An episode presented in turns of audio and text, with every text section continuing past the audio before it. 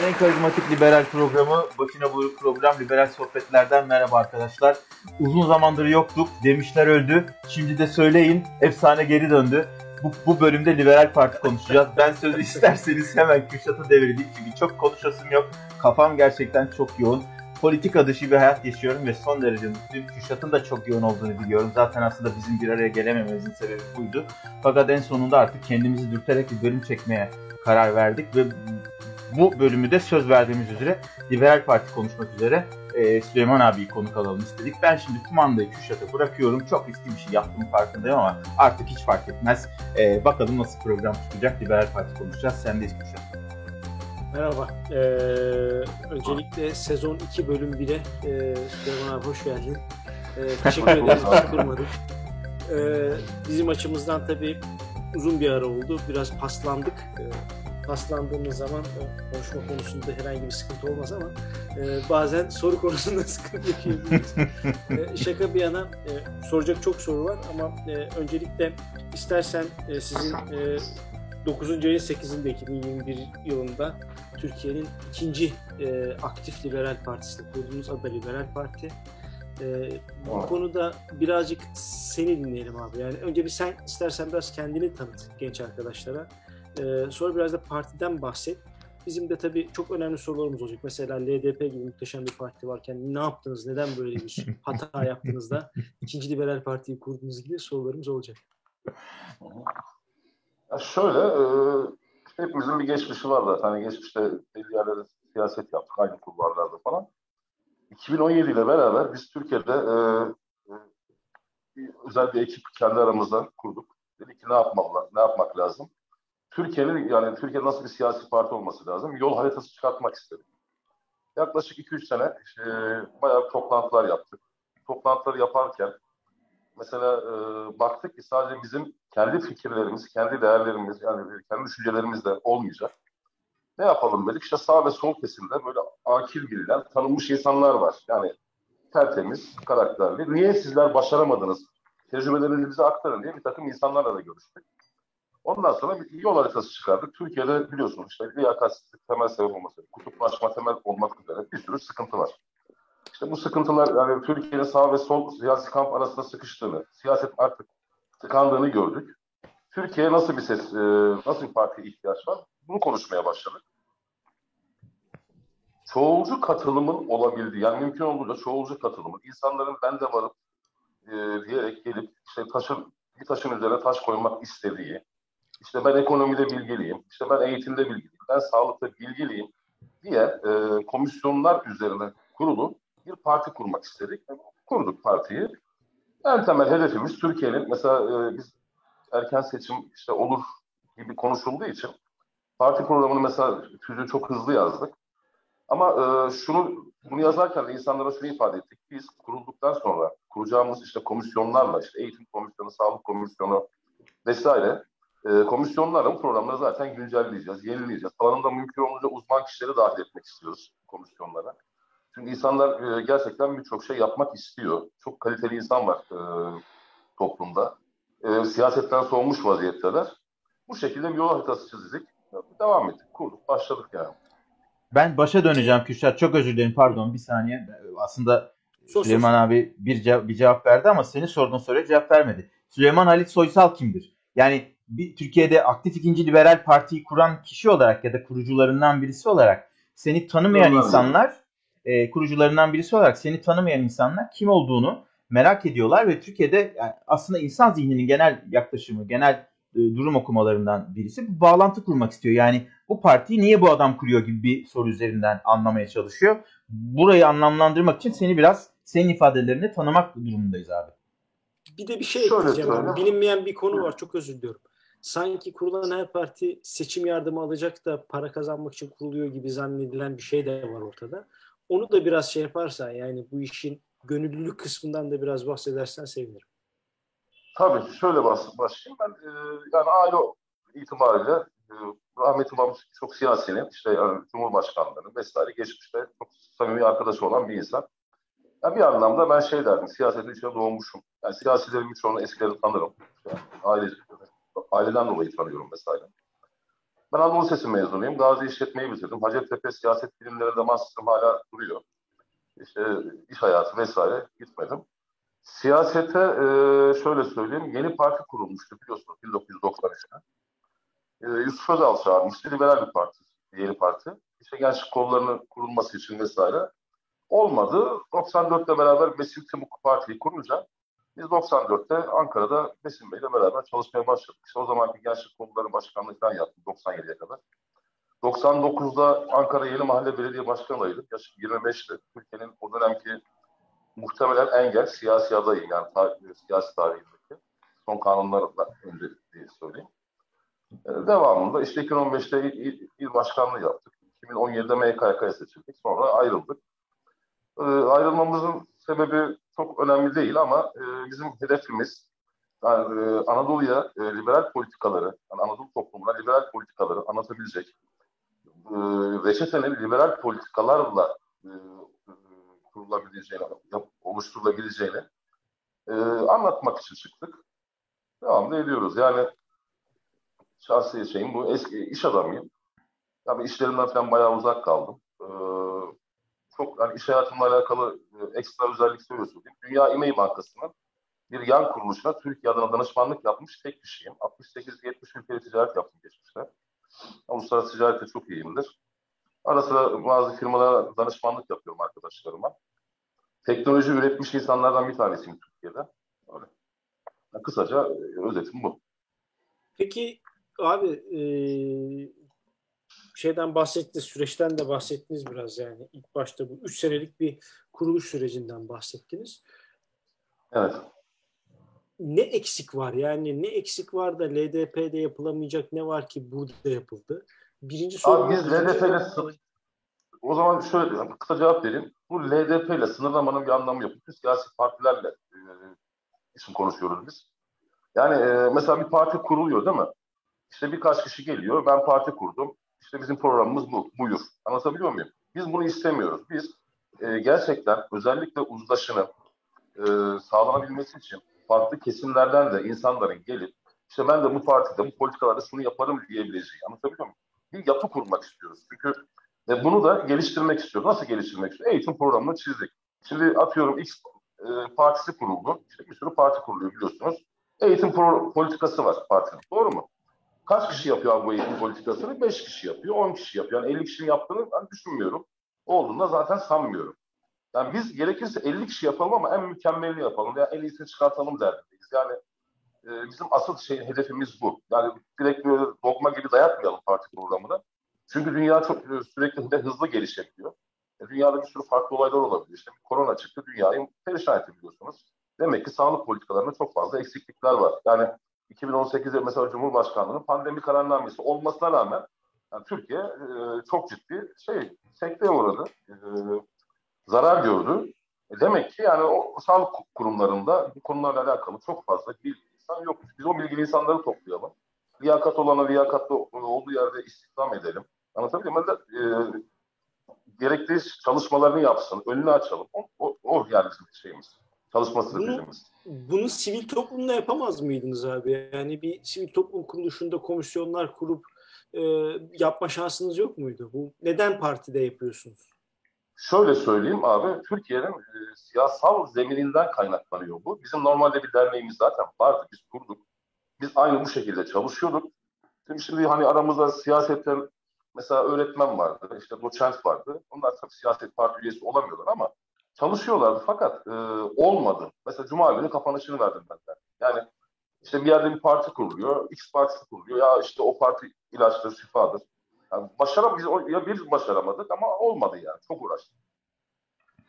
Burada bir e, Peki, bir yorum, sen buyur abi. bir, bir yorumla katılabilir miyim Kürşat'cığım? Yani Süleyman abi desteklemek Hı. falan bağlamında değil ama yani sivil toplumcu ne demekse olarak e, Türkiye'nin siyasi yapısı aslında Türkiye'de sistemin inşası dolayısıyla sistemin işleyişi biçimiyle sivil toplum kuruluşlarının politikaya çok fazla dahil olamadığı ve olamadığı tespit ediliyor. Bir yandan da zaten insanların aktif siyaseti mutlaka siyasi partiler yapmak gibi beklentileri oluyor. Şimdi isim vermeyeyim bir yani tanınan bilinen bir e, sivil toplum kuruluşunun da aynı zamanda yine partileşmekle ilgili e, bir takım girişimleri veya araştırmaları olduğunu e, duyuyorum. Dolayısıyla bu sistemle ilgili bir sıkıntı galiba ama ben de arzu ederim ki bu kadar çok partiye gerek olmasa. Sen programdan önce söylüyordun değil mi? Bir şey bakıyordun. Yaklaşık Türkiye'de 115-116 parti mi var? Onu bir süre paylaş istersen. 119, 119 partinin ismi yazıyor ama 3 tanesinin ismi boş. Yani e, büyük ihtimal onlar da listeden silindi ya da silinecek isimleri yazmıyor. Demek ki 116 gibi düşündük işte ön sohbet Hı-hı. esnasında konuşurken. Yani ama tabii bu çok kıymetli bir soru. Bence esas araştırma bu olmalı. Yani senin 3E deneyimin mesela ve hala devam eden 3E egzersizi önemli. Niçin siyasi partiler değil de e, STK'lar değil de siyasi partiler üzerinden siyaset üretmekte ısrar eden ya da mecbur kalan bir durumdayız. Ya bir de Türkiye'de iki toplum, tane buyur abi. Özür, özür dilerim. Toplum sosyolojisinden dolayı olabilir. Yani bu bence çok etkin bir faktör. Yani çünkü insanlar nihayetinde oy kullanıyor. Nihayetinde kendi geleceğini hayatını iyi yaşamak istiyor. Kendi kaderini çizmek istiyor. Herkesin bir fikri var zaten Türkiye'de. Ya bu sebeple de hani bu kahve siyaseti derler ya her sohbette, her toplantıda muhakkak bir siyaset açılıyor. İnsanlar geleceklerini göremiyorlar. Ben bak 47 yaşındayım.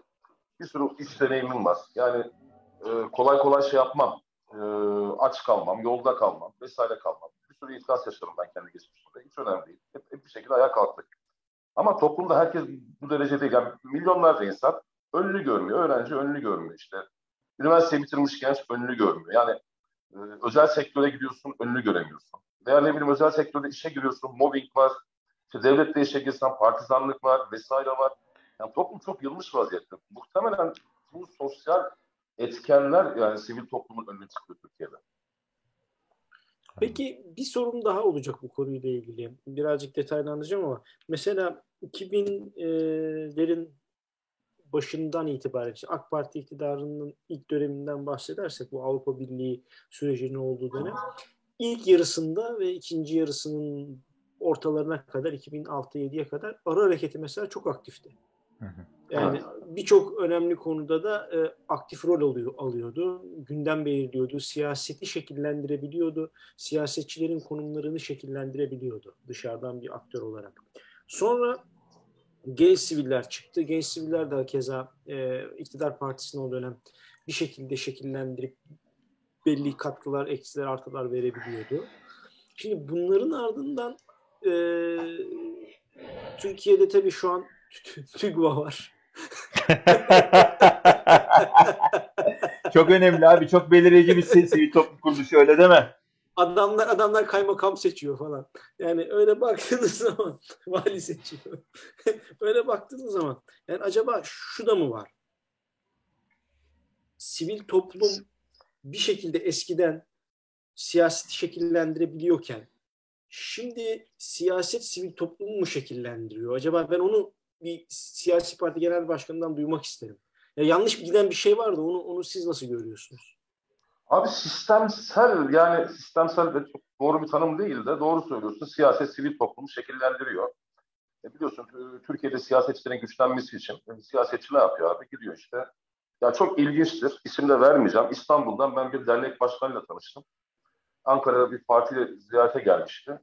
Ee, İktidar Partisi uzun yıllar geçmişler. Kasımpaşa'da bir dernek bu. Çok komik bir isim, değişik bir isim. Ne iş faaliyetleriniz var şimdiye kadar falan. Yani rantiyecilik var. Anlatabiliyor muyum? Yani siyasetçi ulufe dağıtır gibi şey dağıtıyor yani sivil topluma ki kendine gelsin, ekipleri toplasın, işte farklı grupları toplasın. Bir şey için muhtemelen yani de, dediğim tabir doğru, siyaset artık sivil toplumda şekillendirmeye başlamış. Ölebilir yani. Bir de bir ulufe dağıtılan yerde yani bir maaş yapılan yerde herkes de bir şeyden faydalanmak istiyor. Bizim toplumda çok insan var. Ben mesela şimdi biraz konuşurken düşündüm. Böyle sohbette de bir şeyler açılıyor şöyle bir şey oldu. 2000'lerin sonunda belediyeler kültür merkezlerinde derneklere yer vermeye başladı. İstanbul'da. Tabii, tabii. Daha evvel biz mesela Üçe Hareketi'ni kurduğumuzda hatta e, Alper bir kere fotoğraf paylaşmıştı kapısında. Beşiktaş'ta çok özür diliyorum sidik kokan bir iş hanının camı bile olmayan bir iki tane odacıklı böyle oda bile ikisini toplasam bir oda etmiyor. Bir yerinde tamam. ofis kiraladık 2000'lerin e, sonu işte 9'da falan 300-350 lira kirası vardı. aidatlarımızdan toplayıp veriyorduk. Cebimizden eşyalar aldık. Falan. Klima falan taktırmıştık. Buzdolabı falan vardı. Çekyatı vardı. Öğrenci arkadaşlardan misafir gelen olursa kalıyordu falan böyle. Değişik bir yerde. Neyse e, öyle sivil toplum kuruluşları için bir e, yerinizin olması çok önemli bir şey. Ama tabii belediyenin içinde konuşulandıktan sonra siyasetin sizi şekillendirmesine izin veriyorsunuz. Belki de birazcık o da şey var. Yani e, finansal anlamda bir kısıtlanmayla birlikte bu siyasi partilere daha çok meyletme var ve siyasete yakın olmayacak belki siyaseten iktidara ya da belediyelere e, şey olmayan bir siyasi görüşte sivil toplum olmaktansa parti olup o gücün merkezine aday olmak gibi bir düşünce mi var dedim ama sizin öyle bir şey var mı? Yani ne zaman 2023'te mesela pusulada görebileceğiz mi sizi? Çılgınlar gibi çalışıyoruz. 2022'de görürsünüz diye tahmin ediyoruz. Yani er Kasım Erken seçim. Rivayet bunlar tabii. Yani konuşulur. Yani kesin bir şey yok. Yani biz 2022'ye e, yetişmeye çalışıyoruz. Peki yani bu bir ittifakla mı olur? İttifak gibi bir şeyiniz var mı? Birileriyle konuşuyor musunuz? Mesela, şöyle biliyorsun. mesela abi Hüseyin abi iyi bilir. Hüseyin abi iyi bilir. Ee, Cem Bey sık sık Kemal Bey'e giderdi. Kemal Bey'e şöyle bir boynun... Sık, sık gidemezdi. Bir kere kabul edildi genel merkeze ve bir, ha, sık sık gitmek isterdi. Ha, ha, bir kere ha, işte. evet tamam tamam. Bu düzeltelim. Bir kere kabul edildi. Sonra bir kere ee, bunu, kabul edildi böyle bir bunu, mezurayla birinci bölümde galiba ya birde ya 14'te bölümlerden birinde anlatmıştık. Ee, sonra bir daha e, hiçbir şekilde kabul edilemeyeceği bir intiba bırakarak sadece kendisi adına değil Liberal Demokrat Parti adına da o fırsatı heba ederek ve kendisinden başka birilerinin böyle bir potansiyel adaylığı ya da e, yani CHP listelerinden adaylığını önünü tamamen kapatacak şekilde gitti oradan. Yani tarih yargılar yani. Böyle ifadeler var ya tarih seni yargılayacak. Eğer öyle bir şey varsa tarih Cem Toker'i yargılayacaktır. Çünkü bütün liberallerin önünü kapattı. Bu şartlarda Liberal Parti'nin yeni bir parti olarak kurulmuş olması ve e, geçmişteki kötü maceraların, kötü ilişkilerin üzerine bir şeyler kurmaya çalışması itiraf etmeliyiz ki işinin çok işinin çok zor olduğunu gösteriyor aslında bakılırsa. Nereden nereye bağladım lafı ama bence önemliydi bunu söylemek. Ne düşünüyorsunuz abi? CHP bir ittifak olur mu? Yani bu e, Abi şimdi bak işin Cumhur millet mi? Yani. Böyle bir şeyiniz var mı? İddianız var mı?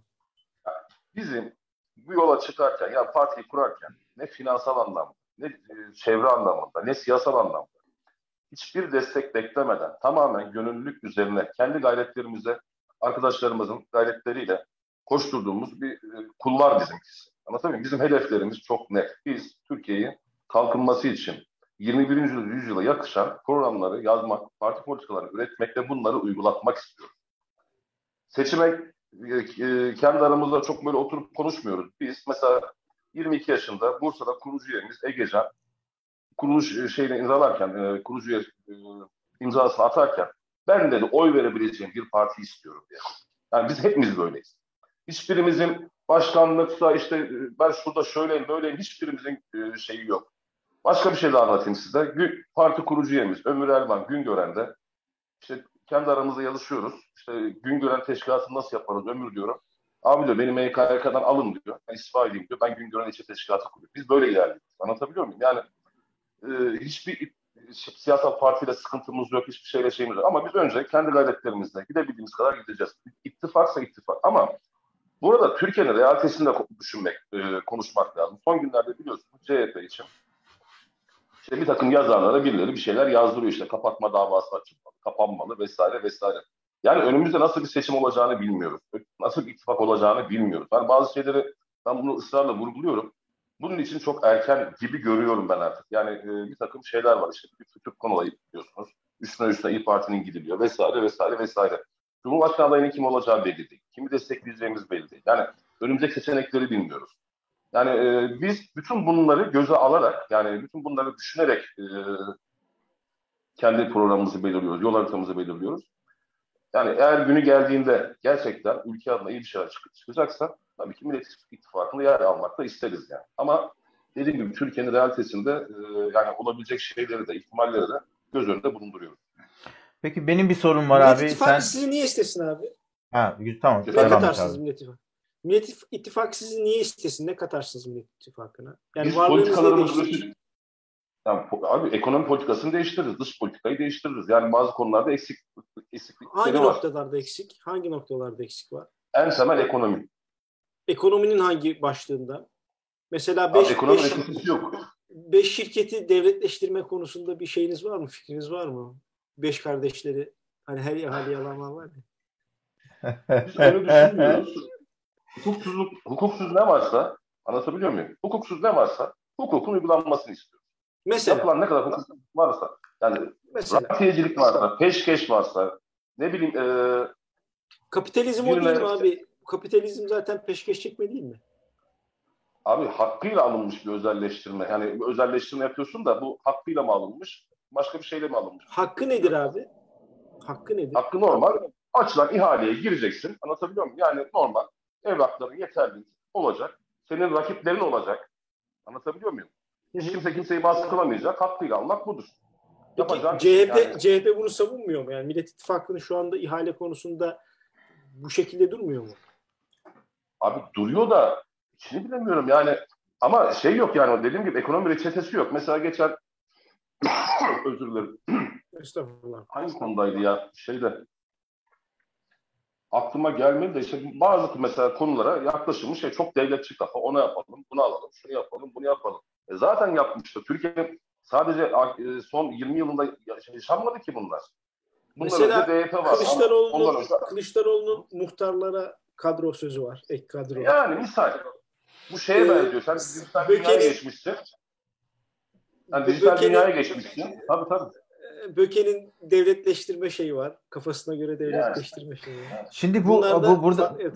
Burada araya araya gireceğim. Tabii aslında fark yaratılabilir ama bir yandan bir başka handikap var. Bu sadece işte tabii burada Liberal Parti üzerinde konuşuyoruz. Liberal Parti'nin Mi- Millet İttifakı içinde yer alıp alamayacağı ve Kürşat'ın sorusu ne katabileceği. Şimdi aslında Millet İttifakı'nın son derece e, al, yani altı oka son derece bağlı bir yani kuruluş ayarlarına, Cumhuriyet'in kuruluş ayarlarına doğru dönmekte çok ısrarcı ve orada da devletçiliği ve sosyal devlet vurgusunu çok net yaptığını görüyoruz. Şimdi bu belki bir başka bir tartışma olur ama bu şartlarda bu ittifak Liberal Parti gibi son derece açık işte e, özel yani piyasacı, kapitalizm yanlısı bir yaklaşımı kabul eder mi, sindirebilir mi ya da e, sadece bir renk olsun diye birkaç vekil ya da en azından bir vekil vermeyi düşünebilir mi de bir soru. Ona ek bir sorum olacak abi. İstersen e, bağlayarak gidelim. Sen devam et.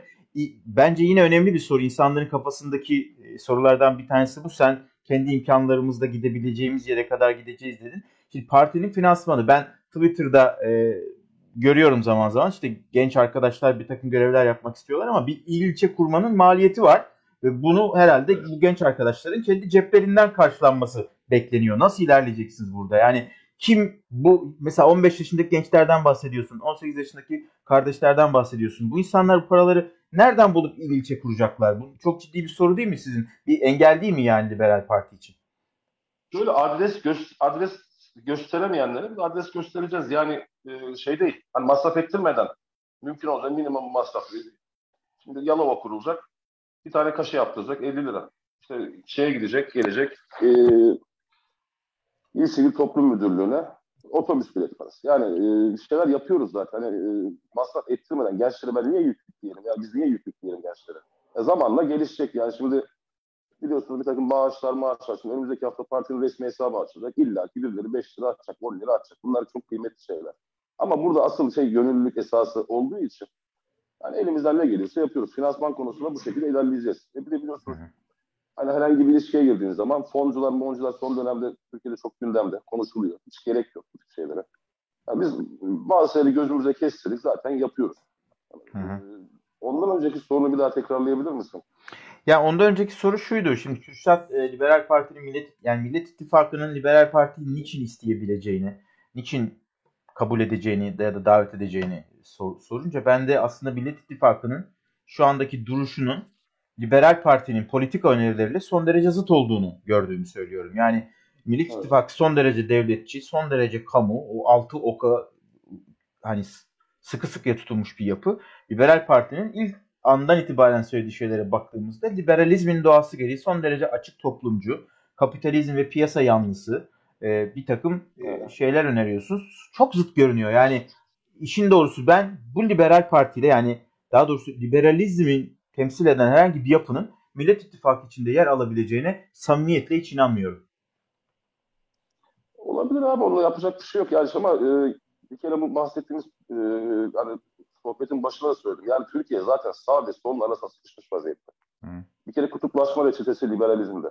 Liberal partide. Anlatabiliyor muyum? Yani yine isim veremeyeceğim. E, işte Mansur Bey'in adaylığı sürecinde gittik ziyarete hayırlı olsun falan ne yapılır, ne edilir falan. E biliyorsun Türkiye'de hep sağ sol kavgası oldu.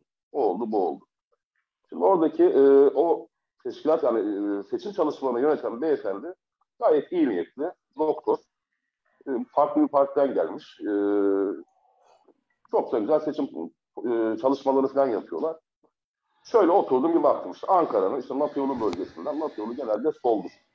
İşte atıyorum Demet Evler bölgesinden, Yeni Mahalle bölgesinden, o bölgeler genelde sağ bölge. Anlatabiliyor muyum? İnsanlar artık böyle belli yaşın üzerindeki insanlar oturmuşlar.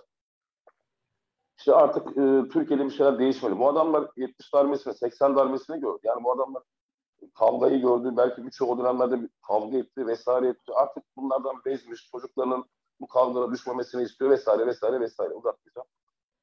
Şimdi sohbetin böyle çok güzel güzel konuşuyorlar. Sohbetin son noktasına geldiğinde birisi çok iyi niyetli. Bir şey söylüyor. Anlatabiliyor muyum? Öteki alnı veriyor. Öteki, öteki kesim kökenli olduğu için. Yani e, uz, uz, birkaç yerde daha böyle şeyler yaşadım, gördüm bizzat. Yani uzlaşma liberal bir partisiz çok zor. Çünkü birbirlerini adamlar bir şekilde kırıyorlar. Rencide ediyorlar. Yani farkında olmadan, istemeden yapıyorlar. Bu toplumun yapısı bu. Yani şimdi biz hep siyaset konuşuyoruz değil mi? İşte liberal, liberal parti konuşuyoruz, liberalizm konuşuyoruz. Bakıyorsun abi şehirlere İzmir, bakıyorsun işte Antalya, bakıyorsun e, ne bileyim e, İstanbul, Ankara vesaire vesaire. Ana şehirlerden bahsediyoruz. Anlatabiliyor muyum? Yani sadece bu şehirler yok ki liberal parti isteyen veya liberal işte fikirde bir parti isteyen. Bir sürü yerde var. Ama anlatmak lazım. Ama çalışmak lazım. Ya yani bizim mesela Batman İl Teşkilatımız hazır gibi. Yani çok büyük bir başarı bizim için. Liberal bir parti için. Diyarbakır'la uğraşıyoruz. Yani Güneydoğu'ya işte Urfa'yla konuşuyoruz, şeyle konuşuyoruz, Adıyaman'la konuşuyoruz. Bunlar ciddi başarılar yani. Biz ne kadar başarılı olursak e, ne kadar e, Güneydoğu'da çok alternatif olabilir. Niye olabiliriz? Abi insanlar zaten ırkçı, ne bileyim işte partizancı, devletçi vesaire politikalardan zaten bıkmışlar. E, Güneydoğu biliyorsunuz zaten sınır. İşte devlet arada sırada şey yapıyor işte e, teşvik amaçlı engelliler için belli kotalar çıkartıyor. Alıyorlar engelli şeylerini, e, tekerlekli elektrikli şey, şeyleri, sandalyeleri. Sınırdan günde beş kere girip çıkıp ticaret yapıyorlar. Biz ticaret önünü açmak istiyoruz. İnsanların refahını sağlamak istiyoruz ki kendi kendilerine yetebilsinler. Misal. Anlatabiliyor muyum? Birçok noktada çok farklı şeyler çıkartabiliriz. Yani bu çok daraltmak istemiyorum sohbetin konuda. Bunun ucu bucağı açık konular. Peki abi bir sorun daha olacak. Mesela Güneydoğu illerini şey yaptınız, saydınız. İlk başta Anadolu vurgusu yapmışsınız. Ben tabii Anadolu derken Trakya'da kattığınızı düşünerek. Yani aslında Taşra şehir tabii, merkezi tabii, tabii, Yani aslında dediğiniz şu, yanlış anlıyorsam beni düzeltin. Ee, liberalizmi Taşra'ya da taşımak istiyorsunuz. Tabii. Taşra'da da bir şey var diyorsunuz. Ticaretin ticaret temelli bakıyorsunuz. Mesela bir Yozgatlı'nın liberalizme niye ihtiyacı var? Bir Yozgatlı'ya liberalizm ne katacak? Yani şimdi liberalizm e, yani liberal parti politikaları diyeyim ben size. Çünkü biz, Daha doğrusu, yani, yani liberal partiye geldiğinde bir Yozgat il teşkilatı kurulduğunda o Yozgatlı'ya katkısı ne olacak bunun? Abi bir kere partizanlık yok. Ee, ne diyeyim?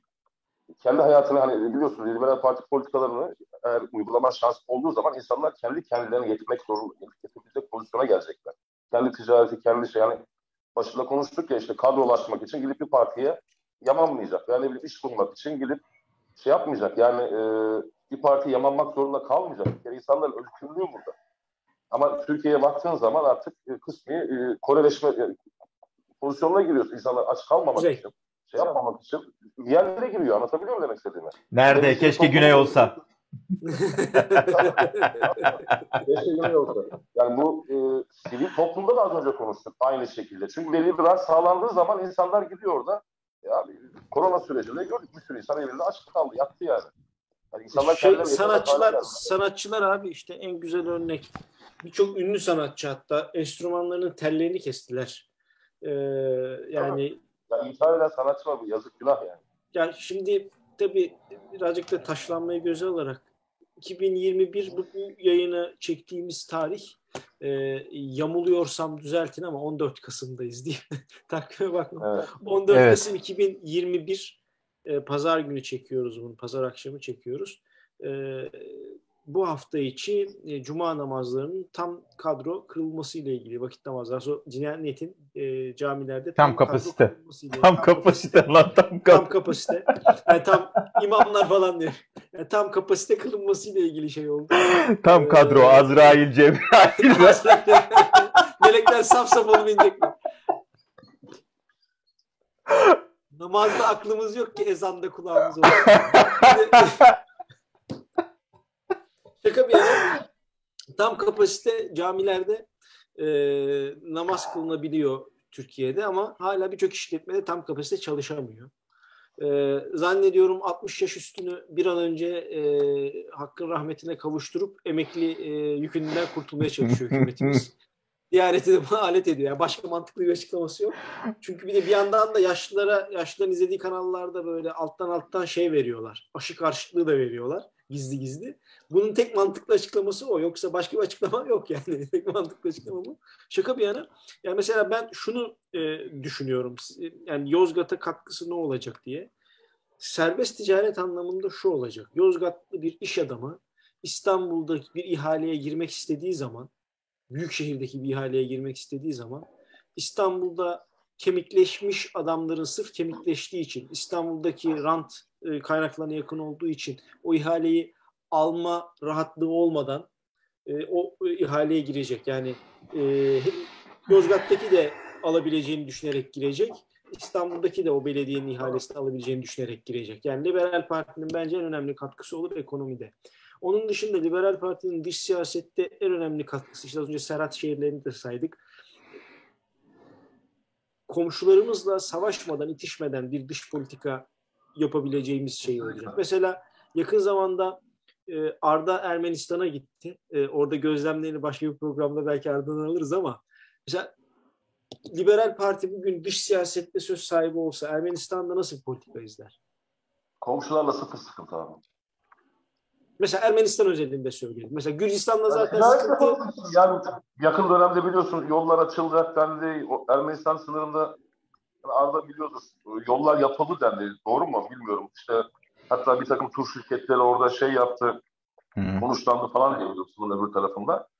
Sonra kesildi. Yani senin sınırındaki insanlarla kavga etmenin bir mantığı yok. Savaşmanın bir mantığı yok. Bak e, şu Obama'nın Büsü Mübarek'le ilk yaptığı görüşmenin senesini hatırlıyorsunuz. mi? 2009 mu 2010 muydu? Ertesi gün Türkiye'ye geldi Mısır'dan sonra. Obama çıktı. Mısır'da işte bir tahrir meydanından başlayan olaylar bütün işte Kuzey Afrika coğrafyasını sardı. Bir sürü insan telefonda gitti, öldü gitti, öldürdü gitti. Bilmiyoruz daha neler olduğunu. Katliamlar mı oldu vesaire mi? Ben o gün oturdum. Türkiye haritasını çizdim abi. Önüme aldım şöyle. Doğuda İran var. Güneydoğu'nda Suriye ve Irak var. Zaten Suriye ve Irak'taki terör yani e, terörün öbür tarafta konuşlanması var. Bir zaten İran'da yani coğrafya olarak kavgalız. E, görüyorsun yukarıya doğru bakıyorsun işte küçük bir Azerbaycan sınırı, oradan Ermenistan, Gürcistan vesaire vesaire, yukarı Ukrayna. Anlatabiliyor muyum? Bu taraftan Bulgaristan dönüyorsun. Batında da Yunanistan var. Altında Kuzey Afrika var ve bir savaş coğrafyası oluşmuş. Anlatabiliyor muyum? Şöyle baktım ya Türkiye'nin bir tane dostu olmaz mı? Yani bu kadar etrafında savaşların yaşandığı bir ülkede e, bir ülkedesin. Ya bir tane doğru düzgün sınır ticareti yaptık ülke. Bir tane ne bileyim e, geliştirebildiğim bir strateji yok. İşte mavi vatan mavi vatan diye bağırıyorlar. Ne olduğunu tam anlamıyoruz. Bilmiyoruz, etmiyoruz. Programları açıyoruz. İşte koca koca amiraller vesaire.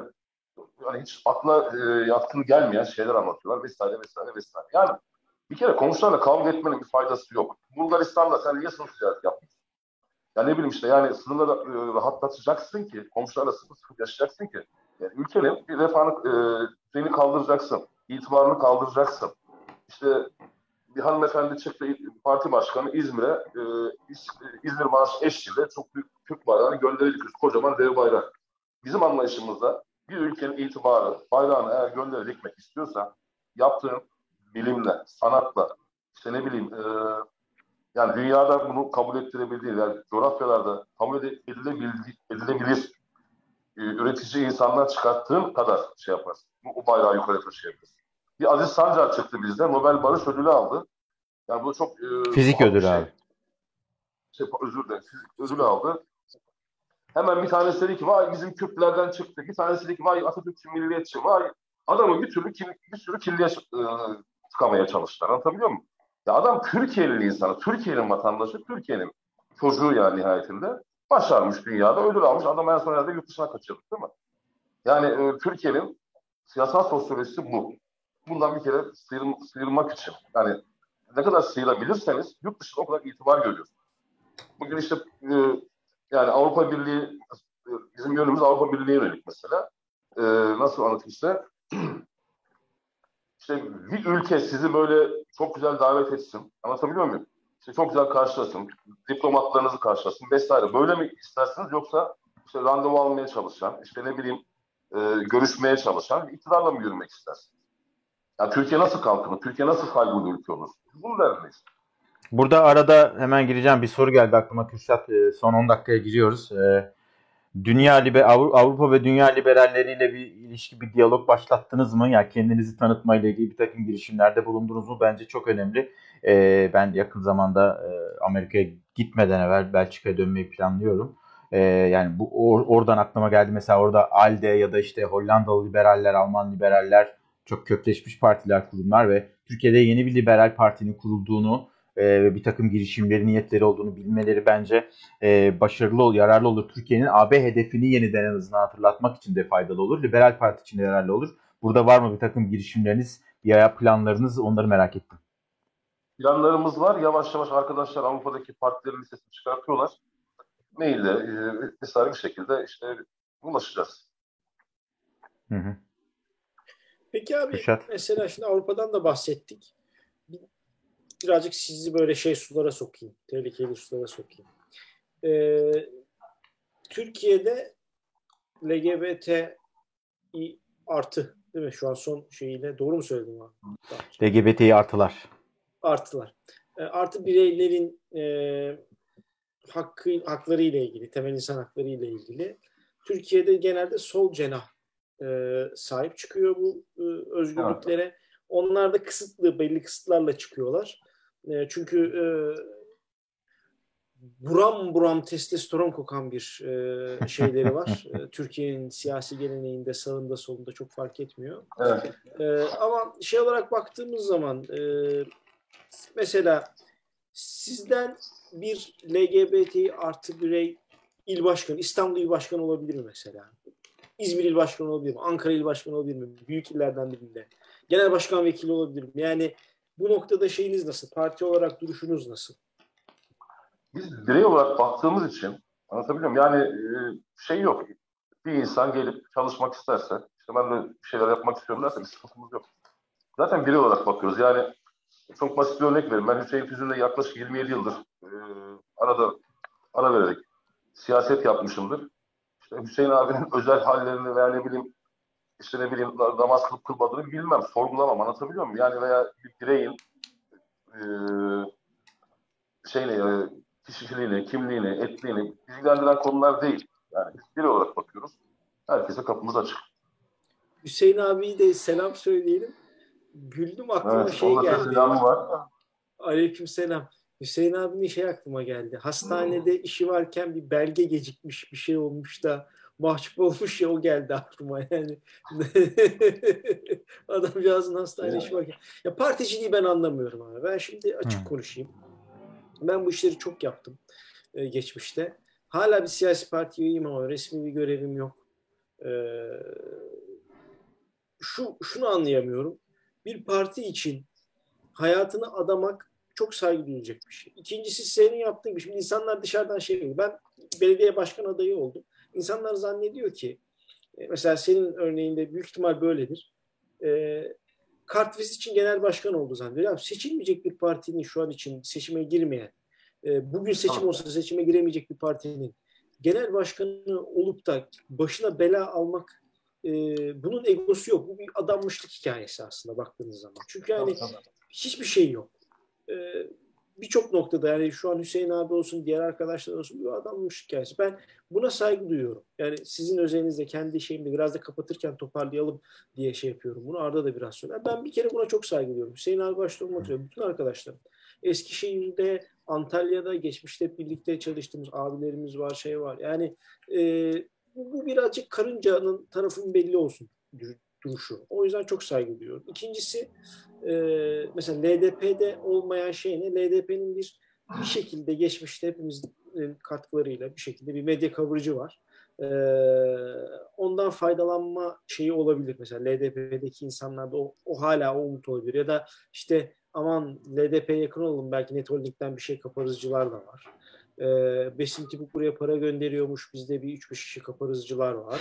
Ee, sizde o da yok. Yani gelen adam büyük ihtimal elini cebine atmak e, zorunda kalacak bahsettiğin gibi. Hiçbir şey yapmasın. Kaşı almak zorunda kalacak 50 lira. Yani gönüllülük esasına dayanıyor. O yüzden e, tabirim bilmiyorum doğru mu? Ben biraz şövalye yaklaşımı görüyorum burada. Bilmiyorum siz ne dersiniz? Don Kişot. Bu da çok Don Kişotluk da değil. Yani Don Kişotluk yapıyorsunuz ama şövalyelik de var. Yani Don Kişotluk hmm. ayrı, Don Kişotluk bu değil mi kısmı ayrı. O birazcık daha zaman gösterir ama şey anlamda çok şövalye, çok bir duruş şekli var. Tek eksik gördüğüm şeyi söyleyeyim abi size. Bu, bu tamamıyla şey olarak alın lütfen.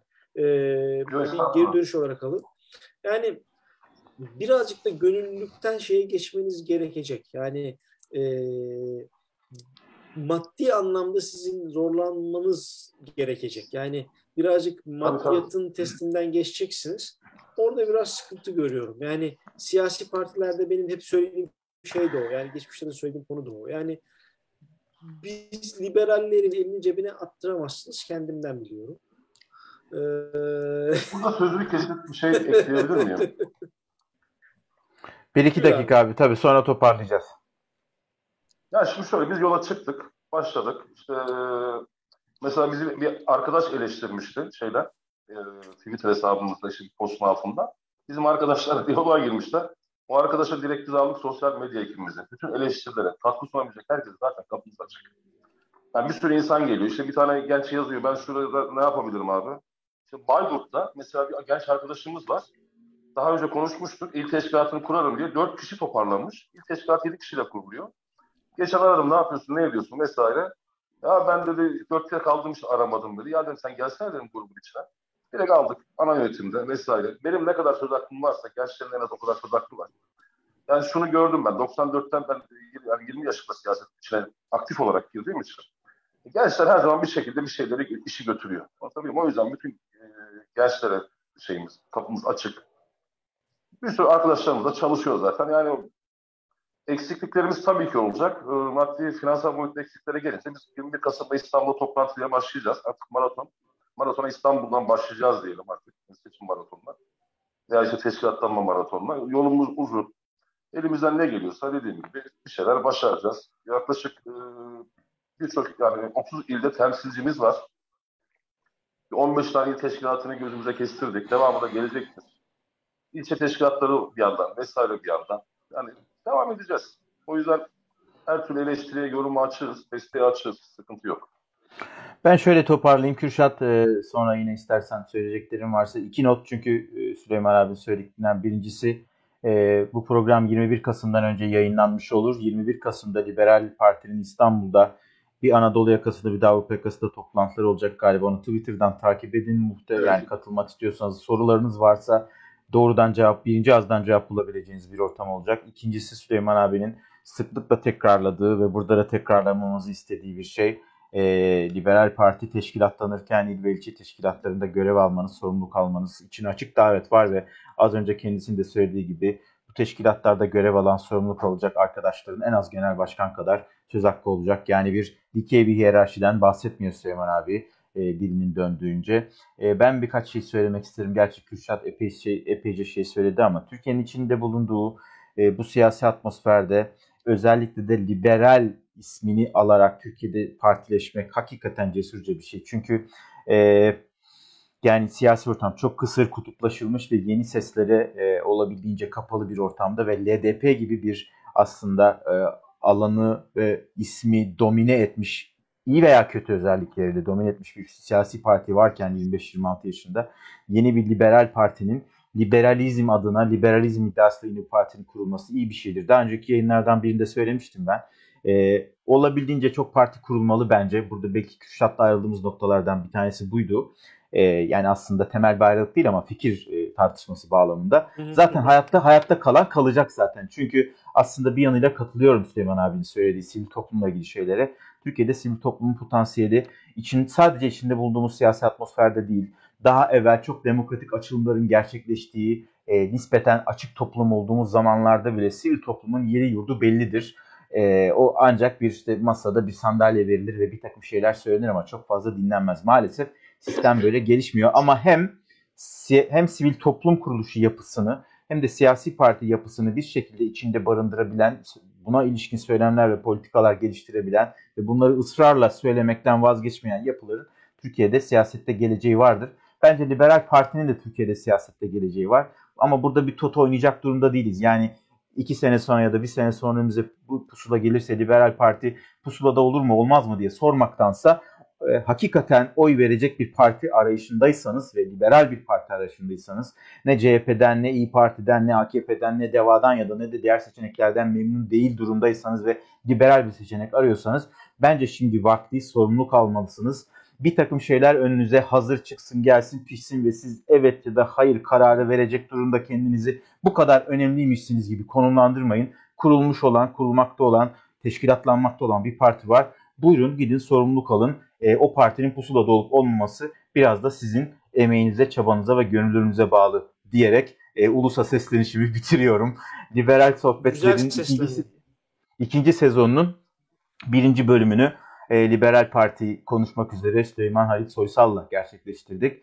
Daha evvel de söylediğim gibi bir sonraki bölüm ne zaman olur gerçekten bilmiyorum. Benim vaktim çok değerli bu aralar. Kürşat'ın da öyle. Belki Kürşat ben siz birkaç program çeker bilemiyorum ama e, elimizden geldiğince bir şeyler yapmaya çalışacağız. Son sözler için sözü e, Kürşat'a ve Süleyman, önce Süleyman abiye bir birkaç kelime söylemesi için e, söz vereyim.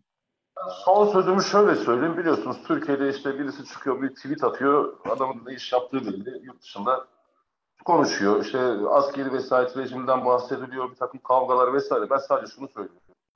Şimdi e, benim yaşım 47. Ben Araf'taki bir kuşak olarak tanımlıyorum kendimi. Yani 94 tane Liberal Demokrat Parti'ye çıktığım için siyasete şanslı hissediyorum kendimi.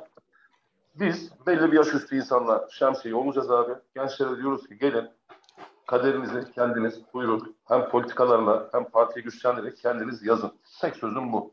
Yani bizim asıl şeyimiz bu. Gençlerin önünü açalım. Gençler e, çünkü benim çok fazla hayattan beklentim yok. Hüseyin Tüzün 64 yaşında hayattan ne bekleyecek adam? Yani adam hayatını siyaset adamış. Türkiye'de liberal politikalar gelişsin diye 27 yıldır uğraşan bir adam. Diğer diğer kurucu üyelerimizden hani yaşı büyük olanlar için konuşuyorum. Tek sözüm bu. Şemsiye biziz altında oturun rahat rahat e, kendi kaderinizi çizin. Tek söylediğim şey bu. Söyleyeceğim şey. Eyvallah. Kürşat Çetinkos programı sen kapat. O zaman ben öncelikle e, Süleyman abi hoş geldiniz ve güle güle. E, yani şey için, e, yeni sezonla bizim açtığınız için çok teşekkür ederim arkadaşlar. Biz teşekkür ederiz. Bizi kırmadınız. E, ama mutlaka şey yapalım. Yani sizden e, şey anlamında bir söz alalım. E, partide politikaları çok konuşamadık. Ben birazcık sıkıştırmak da tamam. istemedim. Çünkü genel olarak partiyi konuşalım istiyoruz. Politikalarla ilgili özellikle o genç arkadaşlardan o belirlediğimiz politikalarda bir konuklar alıp belki özel bir bölüm yapabiliriz. Ee, güzel tabii tabii onlarla toplu bir program yapabilirsiniz. Ee, 5-6 arkadaş, 4-5 arkadaş kaç kişi yaparsanız onu organize ederiz. Orada bir, bir konuşalım. Onun detaylarını konuşalım. Ondan sonra son olarak Arda çok güzel bir şey söyledi. Yani benim çok uzatmama da gerek yok ama o parti İslamcı, bu parti tavukçu, bilmem ne parti şuncu, bilmem ne parti buncu, o seçim akşamı kayboldu deyip muhalefet beğenmeyen arkadaşlara, e, o liberal değil, bu bilmem ne değil diyen arkadaşlara, onun genel başkanının gözünün üzerinde kaşı var, geçmişte şöyle yaptı diyen arkadaşlara güzel bir alternatif olduğunu düşünüyorum liberal partinin. E, daha tabii. yeni kurulan bir parti, genel başkanı beğenmiyorsanız alın kardeşim. Gidin devirin. Aşağı, alı aşağı edin. Zaten adamcağız Hayır da diyecek bir adam değil. Yani günün sonunda baktığınız zaman e, bir ideoloji için kurulmuş bir parti. E, partide Bir şey ekleyeceğim Kürşat. Çok özür diliyorum. Çok kısa. Bir arkadaş katıldı mesela bize. Bizim sosyal medya ekibimiz var işte. Gece gündüz herkes yazıyor vesaire. Genelde gençler var orada. Ondan sonra ertesi gün beni arıyor. Şey, pardon bir hafta sonra beni arıyor. Abi diyor bir şey sorabilir miyim dedi. Buyur abicim dedim. Abi dedi ben gruba katıldım diye mi kimse tartışmıyor falan dedi böyle. Tamam mı? Ya dedim, biz zaten hiç tartışmıyoruz ki. Hedefimiz ortak. Anlatabiliyor muyum? Yani yapmamız gereken şey belli. Herkes işte bilgisi oldukça bir şey katkı sunuyor. Ortaya bir takım çalışmalar çıkıyor falan. Yani e, gelsinler, tanışsınlar genç Sizin arkadaşlarla. şey kampanyanız var mı abi? Bize küfredin de partiye yardım olsun kampanyanız var mı? Onu yapan partiler var da. Arkadaşlar e ben araya gireceğim burada bu, bu muhabbet uzar. Ben bu programı kapatmayınca program kapanmıyor maalesef öyle. Kürşat geveze, evet. Süleyman abi ondan da geveze. Uzun uzun programları, uzun bölümleri seyretmediğinizi biliyorum. Bir yandan hiç umurumda değil seyredip seyretmemeniz. Yani biz uzun yaptık diye siz seyretmiyorsanız o sizin kaybınız. Bizim kaybımız değil ama bir yandan da bunun montajı falan da uzun süre ve muhabbeti bir yerde bitirmek lazım. O yüzden ben bir kapanış anonsu yapacağım. Ee, olur da siz sorarsınız diye ben şimdiden cevap veriyorum. Az önce cevapladım ama yeni bölüm ne zaman hiç fikrim yok. Ee, çünkü bunu da böyle son anda organize olarak çektik. Belki de yani aylarca çekmeyebiliriz. İki gün Canımız sonra da çekebiliriz. Yani aslında biraz öyle oldu. Sohbeti de özledik, zaman ayırdık. Ee, bu vesile Liberal Sohbetlerin ikinci sezonun birinci bölümünü söz verdiğimiz üzere Liberal Parti ile gerçekleştirmiş olduk. Ee, çok nadiren program çeken bir program, bölüm çeken program olmakla beraber sözlerine sadık bir program olduğumuzun da altını çiziyoruz. Liberal Sohbetlerin ikinci sezonun birinci bölümünü seyrettiniz. Yeni bir bölümde görüşmek üzere. Hoşçakalın arkadaşlar. Eyvallah. Kendinize iyi bakın.